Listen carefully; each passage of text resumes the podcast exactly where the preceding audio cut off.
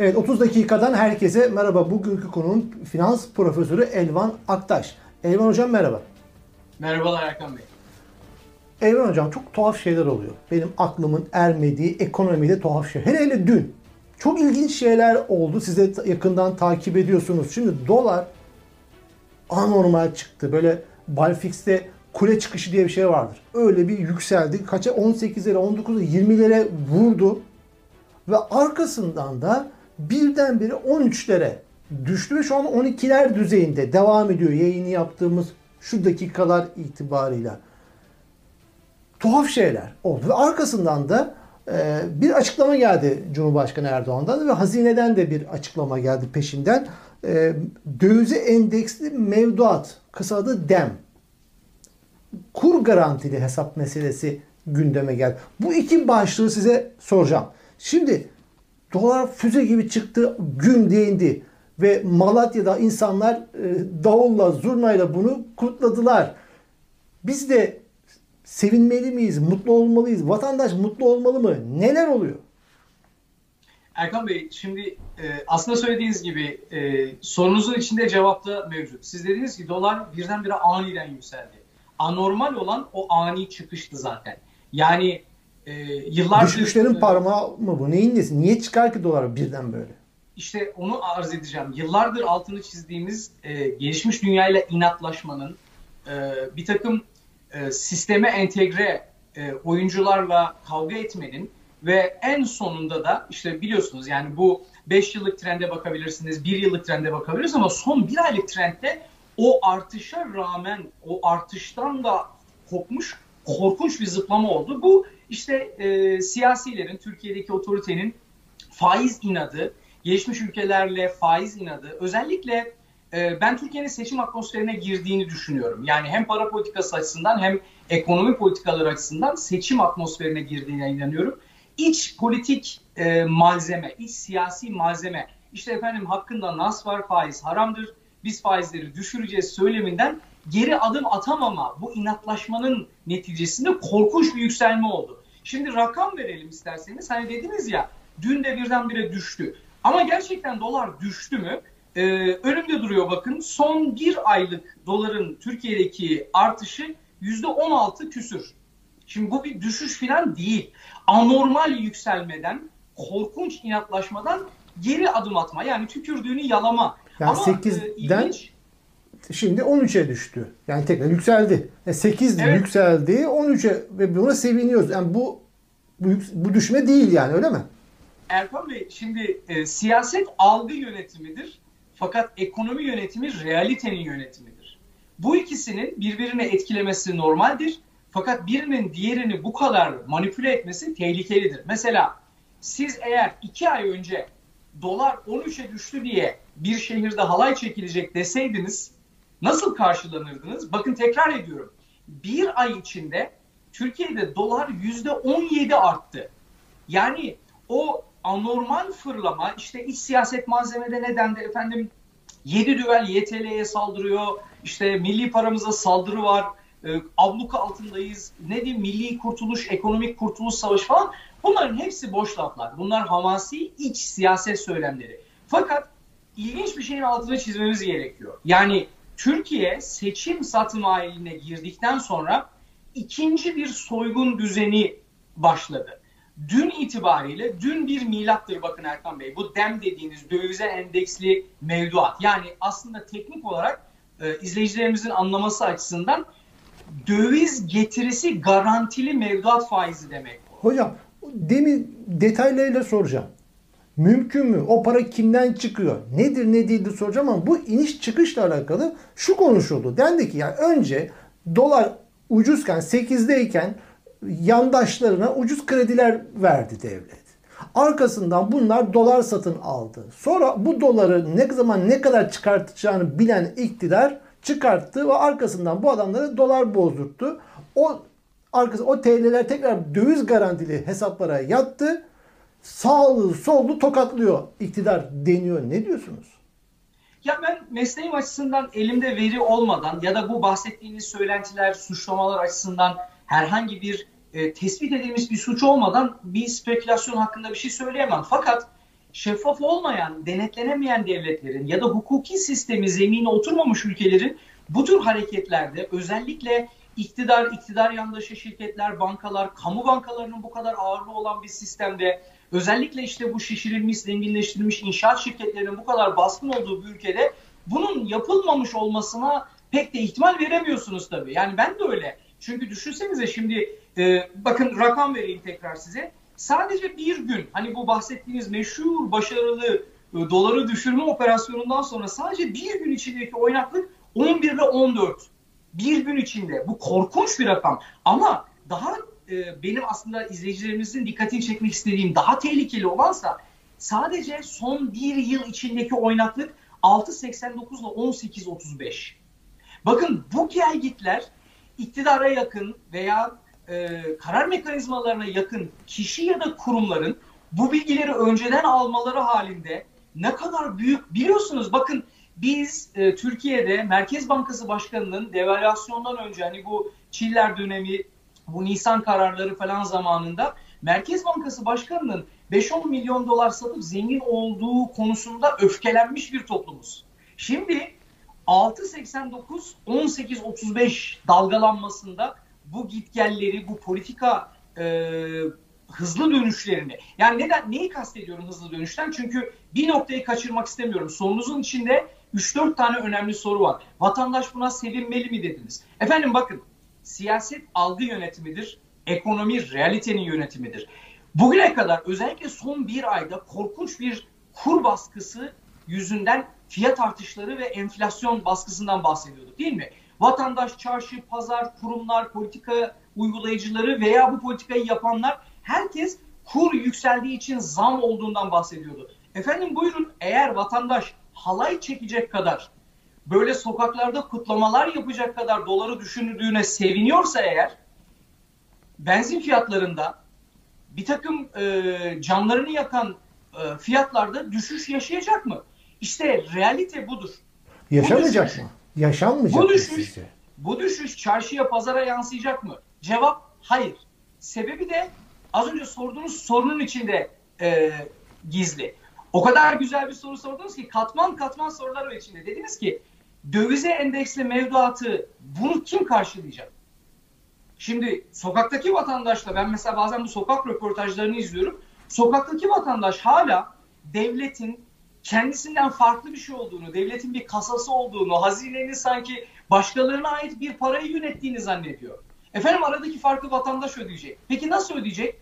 Bugüne kadar şöyle bir soru soralım. Ee, neden buna ben ikinci soygun düzeni diyorum? Bunun bir proje e, boyutu var, bir de finansman boyutu var. Proje boyutunda bugüne kadar en çok vatandaşın canının yandığı şeylerden bir tanesi neydi?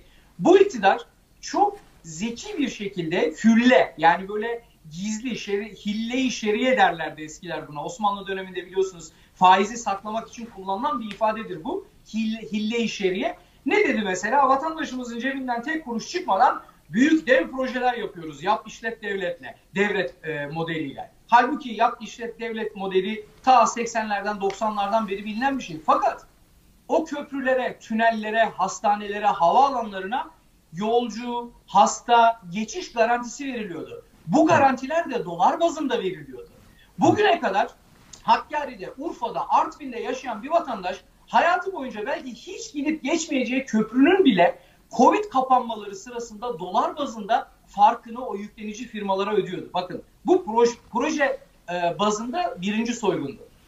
Proje e, finansman bazında birinci soygunsa son zamanlarda ortaya çıkan bu faiz inatlaşması. Geçenlerde meclis kürsüsünden çok akıllıca dile getirildi bu. Ne deniyor şimdi Türkiye'de? Efendim hakkında nas var, faiz haram. Biz yüksek faize vatandaşımızı yedirmeyeceğiz. Hayır, bu ayet yeni mi nazil oldu bilmiyorum. Yani 20 yıldır iktidarda bu adam ya. Yani meselenin nas meselesi olmadığını herhalde vatandaş idrak ediyor olmalı. Ya Erkan Bey mesele nas meselesi ise başka ne naslar var. Şimdi oralara ya. girmeyelim isterseniz. Fakat e, meclis kürsüsünden ifade edilmiş iki çok zekice ifade duydum. Bir tanesi e, efendim e, yüzde yirmi faiz haram da yüzde on dört değil mi? Bununla alakalı nas yok mu? İkincisi de şimdi politika faizi demek e, gelişmiş ülkelerde gecelik, Türkiye gibi ülkelerde haftalık repo faizi. Yani Merkez Bankası'nın finansal kurumlara açtığı açık hesaptır bu. Ne demek bu bakın? Son e, tahvil ihalesinde hazine yurt içinden TL bazlı %23 ile borçlandı. Yani bankalar hazineye bu borcu veren tahvil ihalelerine girip Türkiye Cumhuriyeti hazinesinin tahvillerini satın alan bankalar repo faiziyle o parayı hazineden %14 ile alıyorlar, hazineye %23 ile borç veriyorlar. Bu büyük soygun bir. Efendim dünyanın hiçbir yerinde böyle bir saçmalık yok. Şimdi iç siyaset malzemesi seçime giderken işte e, İslamcı kesime veya işte dindar kesime bir sinyal vereceğiz diye korkunç naralar atıldı. Faizi düşüreceğiz ve e, faizi düşürdüklerini iddia ettiler. Düşürdükleri faiz politika faizi. Yani finansal kurumların Merkez Bankası'ndan borç alma faizini düşürdüler. Vatandaşımız ev alırken, araba alırken, tüketici kredisi çekerken %14 ile mi borçlanıyor? Hodri meydan. Türkiye'de herhangi birisi bir bankaya gitsin %14 ile borç almaya kalksın. Birinci soygun. Şimdi işte az önce sorunuzun içinde değişik sorular var dedim ya. Döviz getirisi garantili mevduat. Bu resmen sizinle bir önceki yayında biliyorsunuz ben böyle çok sık yayına çıkmak istemiyorum. Ama her yayına çıktığımda çok ciddi fay hatları kırılmış oluyor. Bu Türkiye Cumhuriyeti tarihinde bir milattır Erkan Bey. Hocam şimdi bu döviz garantili mevduatı biraz hani ilk defa haberi okuyacak olanlar vardır, duymamışlar olabilir. Yani buradaki devlet, iktidar şunu mu diyor? Diyor ki bankada vadeli hesabınızı, faizli paranızı TL'ye çevirip TL'de dursun, vadeli olarak dursun. Yüzde ne kadar faiz şu kadar. Ben onu zaten sana verecek o banka ama artı o süre zarfında, vade süresi zarfında dolar ne kadar yükselirse o farkı ben sana Merkez Bankası kuru üzerinden o farkı vereceğim diyor. Dediği Efendim, bu değil rakam mi? Verelim. Erkan Bey rakam verelim. Devlet size diyor ki siz dolara kaçmayın. Heh. Türk lirasında kalın. Bunu sağlamak için de bir rüşvet veriyor. Bu nasıl bir rüşvet? Diyor ki ben size %14 faiz vaat ediyorum. İşte 3 aylık, bu detaylar o kadar önemli. 3 aylık, 6 aylık, 1 yıllık yapabilirsiniz. İşte ne kadar vadeyi uzatırsanız garanti e, ve kapsamı da artıyor falan filan. Fakat burada çok ilginç bir şey var bakın. Diyor ki %14 faize razı ol. Eğer o sırada dolar %20 artarsa aradaki %6'lık farkı ben vereceğim sana diyor. Paran Peki, TL'de kalsın işte- ama diyor. Heh. İşte bam teli bu. Ne var bunda? bu. Problem ne? Bu- Burada problem ne? Problem bütün YTL mevduatlarının faizinin dolarize edilmesi demek. Yani Peki bu dolarize edilmenin tabii yani kişisel yatırımcı açısından parasını bankada tutan için bu muhteşem güzel bir şey. Ne Değil yapmış mi? oluyorsunuz? Parası olan için muhteşem değil mi? Kur, kur ne olursa olsun ben aynı getiriyi kazanacağım diyorsunuz. Fakat siz bütün bu yükü hazinenin sırtına yıkmış oluyorsunuz. Yani Ha, hemen örneğimizi bağlayalım. şey Erkan Bey. burada olay problem burada başlıyor. Hemen örneğimizi bağlayalım. Urfa'da yaşayıp hayatı boyunca İstanbul'daki tünelden geçmeyecek vatandaşın o tünelin parasını ödemesi gibi hiçbir zaman bu rant düzeninden fayda sağlamayacak vatandaşın o aradaki yüzde altılık farkı, zamlar, ek ücretler, kalite düşüşleri, eczaneye gittiğinde süresi geçmiş ilaçlar bulmak zorunluluğu, ameliyat olacağı zaman efendim şu anda e, gerekli ameliyatları işte şu ameliyatları şu kadar yapamıyoruz. Gerekli ameliyatın 3 ay geciktirilmesi, işte efendim içtiği suyun suyun temizlenmesinde kullanılan klorun kalitesinden hava kalitesine kadar vatandaşımız fakirleşmeyi hep rakamlarda arıyor. Mesele sadece rakamlar değil. Bakın ülkede fakirleşmenin değişik boyutları var. Bu fakirleşme boyutları ülkedeki vatandaşlara özellikle dar gelirli vatandaşlara e, bordrolu, maaşlı e, e, böyle vergi e, cennetlerinden, vergi hüllelerinden faydalanamayan vatandaşların sırtına dolaylı olarak yıkılıyor. Yani sermaye sahibi sermaye sahibi o garantiyi gariban vatandaşın sırtından alacak. Öyle mi? Devlet onun sırtında alıp garanti olarak sermaye sahibine verecek. E, e, zaten bugüne kadar işte o yüzde 14, yüzde 23 farkı vardı ya. Oradan zaten finansal olarak yapıyordu bunu. Şimdi bütün mevduatlara yaymış oluyor. Ama bakın seyircileriniz açısından bir şeyin de altını çizelim. Bir önceki yayınımıza da atıfta bulunalım burada. mevduatların artık dolar cinsinden mevcut olmadığını iddia etmiştik. Fiili olarak hatırlarsanız ne demiştik? Onlar swap piyasasında garanti olarak kullanıldı. Zaten bankalar biliyorsunuz kendilerine mevduat olarak gelen parayı kasada tutmazlar. Bunların kullanılması normaldir de nerede ve hangi vadeyle, hangi faiz makasıyla kullanıldığı önemlidir. Orada finansal bir faciadan bahsetmiştik. Şimdi o finansal facianın bütün YTL mevduatlarına, bütün Türk lirası mevduatlarına yayıldığını düşünün. Ve bunun yükü hazine üzerinden vatandaşın sırtına yıkılmış durumda. Bu aslında bugüne kadar yıllardır, bakın 7-8 yıldır Türkiye Cumhuriyeti Merkez Bankası'nın bağımsızlığını kademe kademe kaybetmesi ve elindeki politika araçlarının etkisizleştirilmesi noktasında artık bir yeni zirveye ulaşıldı demek. Bu ne demek? Aslında iktidar iki şeyde havlu atmış oluyor. Tükürdüğünü yalıyor. Bir tanesi faizi düşüreceğim dedi. Dolaylı olarak faiz arttırmış oluyor. Biz bunu Amerika'da call option diyoruz. Yani bond, tahvil satarken bazen bunlara warrant dediğimiz call option'lar eklenir. Yani devlet diyor ki artık ben kendi politika araçlarımla güvenilir bir şekilde Türk lirası borçlanamam. Türk lirası faiz politikası uygulayamam. Nasıl diyor bunu sağlayabilirim artık? Dolarize ederim. Yani vatandaşa diyor ki bankada paranı YTL için tutmak için, YTL olarak tutman için sana diyor dolar rüşveti veriyorum. Dolar ne getiri verirse ben de sana bunu vereceğim. Tabii bunun altına bir parantez açmalı hukukçularımız. Siz sormadınız ama açmalılar. Biliyorsunuz Özal döneminde e, süper emeklilik diye bir şey çıkmıştı. Böyle vatandaşlarımız erken yaşta 36-37 yaşında emekli olmuşlardı. Bunların hepsi devlete güvenmişlerdi. Ama ondan sonra devlet birdenbire fikrini değiştirdi efendim.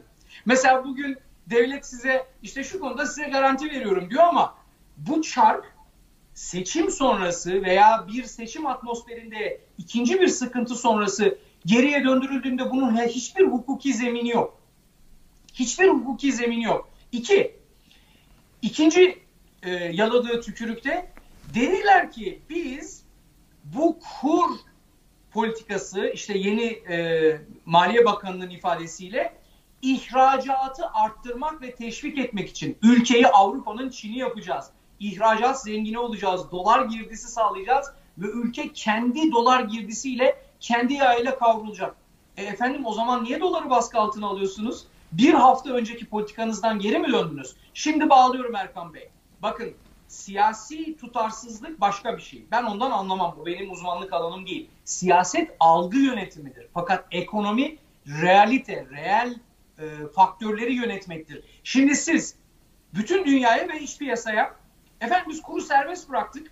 Çünkü biz ihracatımızı teşvik etmek istiyoruz diyordunuz. Bir haftada bütün bir ülkenin ekonomi stratejisinden 180 derece geri mi dönüş yaptınız? İki, herhangi bir ülkenin para birimi bir yıl içinde dolar veya euro karşısında 6.89-18.35'lik bantta dalgalanırsa ve siz kendi milli para biriminizin mevduatlarına o dalgalanma üzerindeki getiriyi garanti olarak verirseniz nasıl bir para politikası ve güven ortamı oluşturursunuz? İşte asıl mesele önümüzdeki aylarda vatandaşımıza ek zamlar, ek fakirleşme olarak yansıyacak olan bu risk algısının artık bütün dünyaca kabul edilmiş olmasıdır. Yani iktidar iki e, kulvarda havlu atmış ve tükürdüğünü yalamış durumdadır. Bir, dövizi kontrol edemiyorum.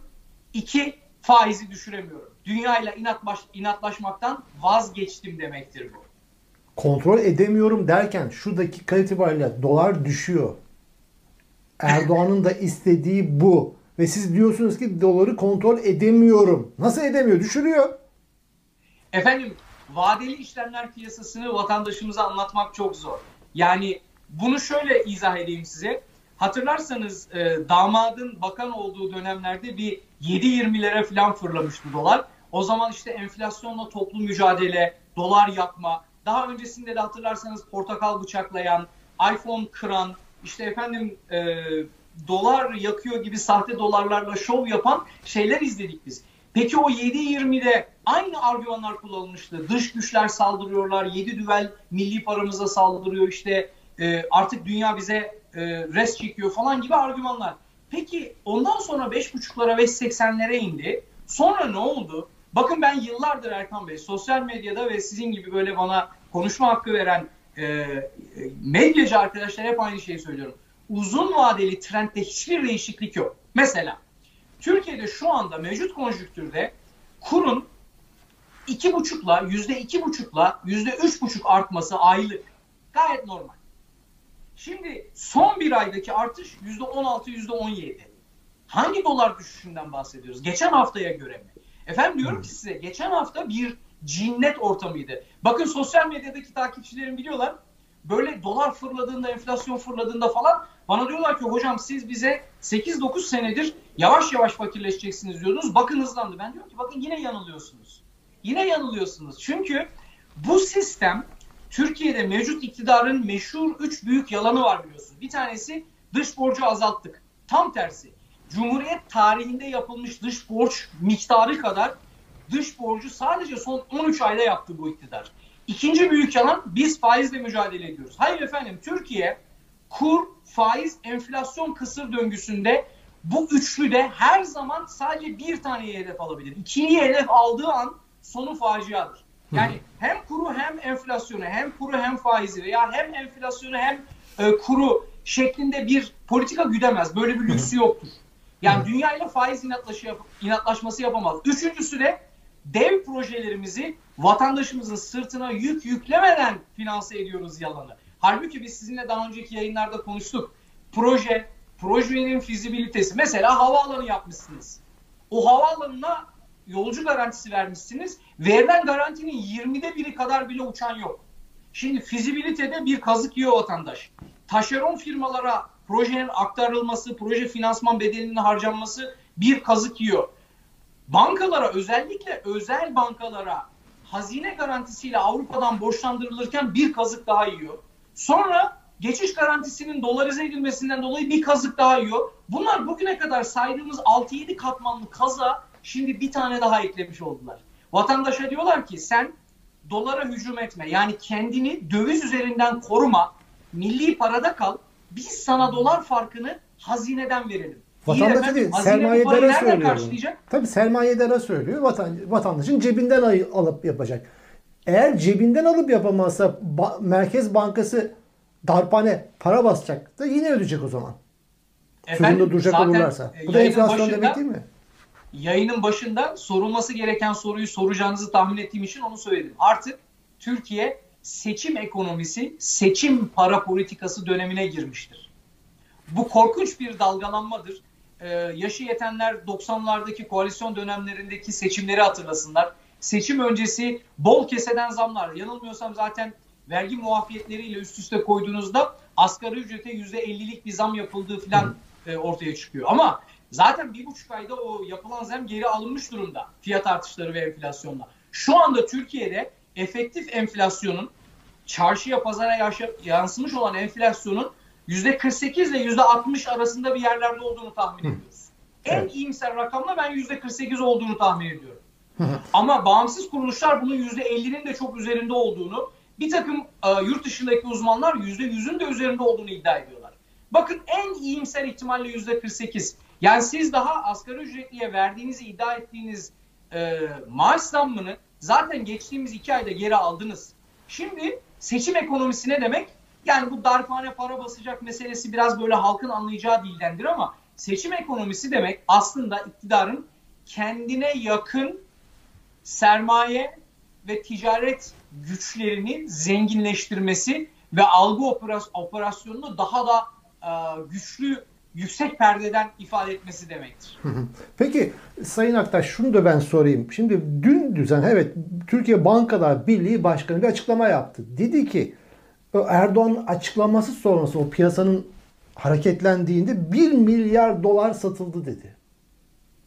Peki hani şu meşhur dizi film var ya La Casa'da para papel yok meselesi var. Espriyle kaçık söyleniyor. Şimdi ya kasada Merkez Bankası'nda para yoksa bu 1 milyar dolar nereden bulunup da satılıyor ve daha fazla olduğu da söyleniyor. Efendim sizinle geçen yayında bunun cevabını vermiştik hatırlarsanız. Vatandaşın bankalardaki döviz mevduatları. Satılan o, budur. Oradaki vatandaşın parasından. Vatandaşın parasından tabii ki her zaman. Bakın tekrar edelim. Bunu e, böyle dağ taşa yazmak lazım Türkiye'de. Devletin parası, devletin bütçesi, hazinenin parası diye bir şey yoktur. Hepsi vatandaşın parasıdır. Bu ya devlet bütçesi üzerinden işte vergi ve gelirler düzenlemesi üzerinden e, kontrol edilir ya da sistem içindeki mevduatlar üzerinden kontrol edilir. Yani bugün Türkiye'de olan şey e, bir kez daha altını çiziyorum. Artık Türkiye'de zaten borçlar, kontratlar, kiralar, geçiş bedelleri, garantiler hepsi dolarize olmuştu. Artık Türkiye'nin milli para faiz politikası yoktur. Artık tamamı dolarize olmuştur. Yani bütün bir ülke dolar kuru, euro kuru yani döviz kuru riskini omuzlarına almış durumdadır. Fakat sizin de çok güzel ifade ettiğiniz gibi sermaye sahipleri, sistem içindeki aktörler bütün riski vatandaşın sırtına yıkmıştır. Sistem içerisinde al sat yapmayan, yatırım yapmayan, birikimi olmayan, parası olmayan vatandaş sistem içerisinde parası olan, al sat yapan, bu rant düzeninden faydalanan zenginleri finanse etmektedir. Ve bu finanse etme düzeni artık dolarize olmuştur. Yani dolar üzerinden risk kalmamıştır piyasada aktörler açısından. Bütün risk vatandaşın, dar gelirli vatandaşının, vergi mükellefi vatandaşın sırtına yıkılmış durumdadır. Acı olan budur. Yani yeni seçim ekonomisi atmosferinde e, ikinci soygun düzenine geçilmiştir. Bu da nedir? İkinci soygun düzeni. Artık birinci soygun düzeninde finansman bedeli ve proje bedeli üzerinden yapılan soygun artık dolar getirili garanti üzerinden vatandaşın üzerine yıkılmış durumdadır. Bu Türkiye gibi enerjiyi, ham maddeyi, e, teknolojik katma değeri yüksek ürünleri dolarla, euroyla dışarıdan satın alan bir ülke için korkunç bir kumardır Erkan Bey. Korkunç bir kumardır. Peki Eyvan Akta sizin meşhur bir sözünüz var. Çok kullanıyorsunuz sosyal medyada. Yavaş yavaş fakirleşeceksiniz. Şimdi bu aşamadan sonra hızla mı fakirleşeceksiniz söylemini değiştiriyor musunuz? Sanki Twitter'da öyle bir şey kullandığınız gibi gördüm. Yanlış mı hatırlıyorum? Hayır Yani doğru hızlanıyor mu süreç? Bugüne kadar seyircilerimiz işte o e, 3 2.80'den 3.5'a, e, 6.5'tan 7.20'ye, ondan sonra 8'den 11'e fırlamalarda hep bana hep aynı sistemlerle karşılaştım. Hocam sen yavaş yavaş diyorsun. Bu iş çok hızlı e, gidiyor diye. Şimdi bu 18'lere vurduğunda bu artık ayyuka çıkmıştı. Ben onlara diyordum ki bakın yıllardır hep aynı şeyi ifade ediyorum size. Bu sistem kova içindeki suda yavaş yavaş ısıtılarak e, suyun ısındığının farkına varmayan kurbağaların kandırılması gibi sizi yavaş yavaş fakirleştiriyor. Yani sizin vergileriniz, ek ücretleriniz, akaryakıt zamlarınız her şeye hayat kalitenizden çalınarak işte bu rant düzenine aktarılan kaynaklar sizi yavaş yavaş fakirleştiriyor. Ve ben bu konuda çok ısrarcıydım. Fakat bu ikinci soygun düzeninde artık mevduat faizlerinin dolarize edilmesi yani bütün ülkenin dolar opsiyonlu risk piyasasına sokulmasından sonra bu söylemimi ben de değiştiriyorum. Artık yavaş yavaş fakirleşeceksiniz diyemem. Ne kadar hızlı fakirleşeceğinizi artık dünya piyasalarındaki doların değeri belirleyecek. Belirleyecek. Yani bundan sonra çok hızlı fakirleşme ihtimaliniz de arttı. Dediğim gibi ben mesleki konularda teknik terimleri çok dikkatli kullanmaya çalışan biriyim. Özellikle böyle duygu, temenni, e, bu tür şeyleri karıştırmıyorum teknik analizlere. Bundan sonra Türkiye'de seçim atmosferinde bol keseden zamlar yani ücret zamları, bol keseden böyle dağıtılan garantilerle e, geçici bir takım rahatlamalar hissettiğini zannedecek vatandaş. Vatandaş şunu anlamalı. Pazardaki fiyatlara yansımayan hiçbir istatistiğin bir önemi yoktur. Pompadaki akaryakıt fiyatına yansımayan hiçbir istatistiğin bir anlamı yoktur. Ev alacağınız zaman, otomobil alacağınız zaman, tüketici kredisiyle evinize beyaz eşya alacağınız zaman ödediğiniz faiz düştüğü ana kadar, siz onun düştüğünü gördüğünüz ana kadar TÜİK'in açıkladığı, devletin açıkladığı veya benim açıkladığım istatistiklerin hiçbir değeri yoktur. Yani bu işin kötüleştiğini ya da iyileştiğini iddia eden insanların hiçbirinin çarşıdaki, pazardaki realiteye etki etme şansı yoktur. O zaman şu soruyu soralım. Efendim halaylar çekiyorsunuz. kahkahalar atıyorsunuz. Dolar düştü diyorsunuz. Bu nasıl bir düşme? Onu da anlamış değilim. Yani bir ayda %17 artan bir şey nasıl düşüyor? Onu dünyaya izah etmek çok kolay değil ama peki hani diyordu ya merhabalar nasıl gidiyor arabalar? Ne durumda akaryakıt fiyatları? Elektrik faturalarınız ne durumda? Bu kış biraz enerji fiyatları açısından Avrupa üzerinde de bir baskı oluşacak biliyorsunuz. Yani bu yeni e, omikron varyantının Avrupa'da da bir takım kısıtlamalara, kapanmalara götüreceği söz konusu. Peki şimdi şunu soralım. Belki bu başlı başına bir yayın konusu olabilir. Hani bu Edirne'den Bulgarlar gelip alışveriş yapıyorlar ya. Hani hı hı. bu Iğdır'dan e, Azeriler veya işte Gürcüler gelip e, alışveriş yapıyorlar ya. Şimdi oradaki vatandaşımız e, sosyal medyada gördüm. Eczacı bir arkadaşımız da şikayet ediyordu bundan. Efendim diyor eczanelerde ilaç kalmadı. Çünkü siz kendi vatandaşınızı yurt dışından gelen ve dolarla, euro ile alışveriş yapan vatandaşla rekabet etme vicdansızlığında bulunuyordunuz bugüne kadar. Şimdi bu yeni ikinci soygun düzeninde dolarize edilmiş mevduat faiziyle bütün ülke satı artık dünya piyasalarıyla rekabet etmek zorunda. Alım gücü bakımından. Hı. Hani e, Atatürk'ün meşhur bir sözü var ya hattı müdafaa yoktur, satı müdafaa vardır diye. Artık bundan sonra o turizmle alakalı geçiş noktaları veya işte ülkenin bir takım böyle e, sinir uçlarında rekabet değil. Bütün ülke satında artık dolarla, euro ile alışveriş yapan Amerikalılarla, Avrupalılarla rekabet etmek zorundasınız. Piyasaya domates mi geldi efendim? O domatesi Alman euro vererek alacak, siz YTL vererek alacaksınız. Fiyata ne olacağını düşünüyorsunuz?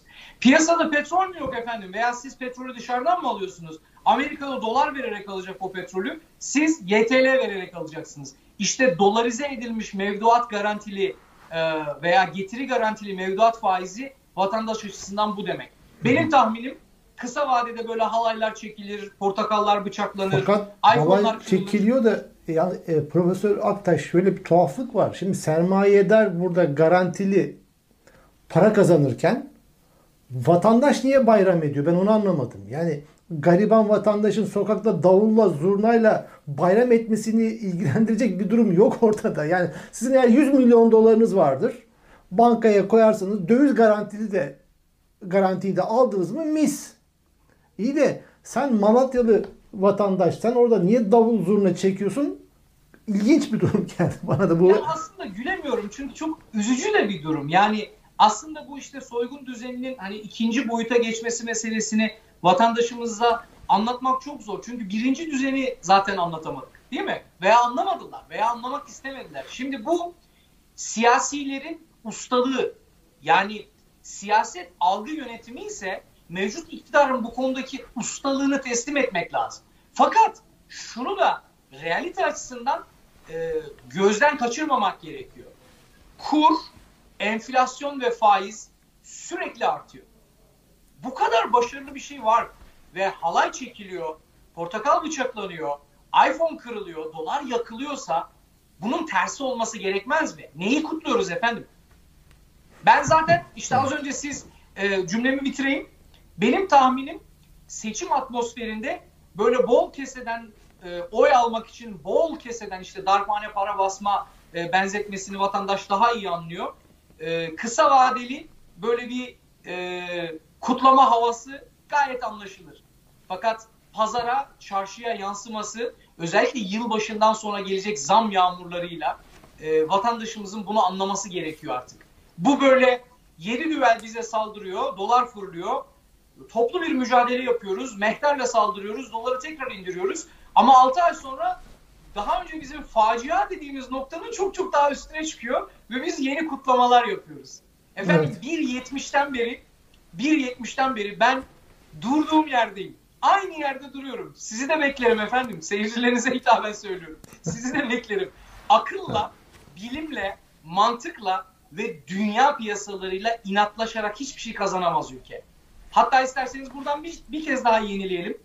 Türkiye konumunda jeopolitikte hem bulunduğu yer hem demografisi hem de ekonomisinin güçlü ve zayıf noktaları açısından Türkiye'nin refaha ulaşma yolundaki tek ilacı, tek reçetesi bölgesel barış ve bölgesel ticarettir. Bunu sağlamayan hiçbir ekonomi politikası başarılı olamaz. Para politikalarıyla, yamalarla, vatandaşın sırtına bunları böyle yıkarak geçici bir takım böyle kutlamalar, seçim zaferleri, halaylar falan sağlayabilirsiniz. Ama vatandaşın alım gücünün düşüşünü engelleyemezsiniz.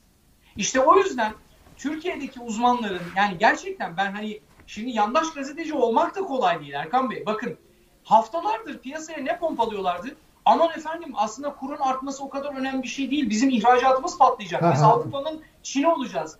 E şimdi peki o zaman siz kuru bu kadar düşürüp halay çekiyorsanız ihracatçıya kendiniz kazık mı attınız? Veya soruyu çevirip şöyle soralım. Kuru yüksek tutarak ihracatı arttırdığınızda ihracat yapacağınız ülkeler size saldıran dış güçler değil mi? Bu nasıl bir ikilemdir? Bu nasıl bir paradokstur? Efendim akılla mantıkla izah etmek mümkün İzah değil siyaseti. mümkün değil. Peki yayınımızın sonuna geldik. Profesör Evren Aktan çok teşekkür ediyorum bu bilgileri bizlere paylaştığınız için. Ben teşekkür ederim. İyi yayınlar diliyorum Erkan Bey. Sağ olun.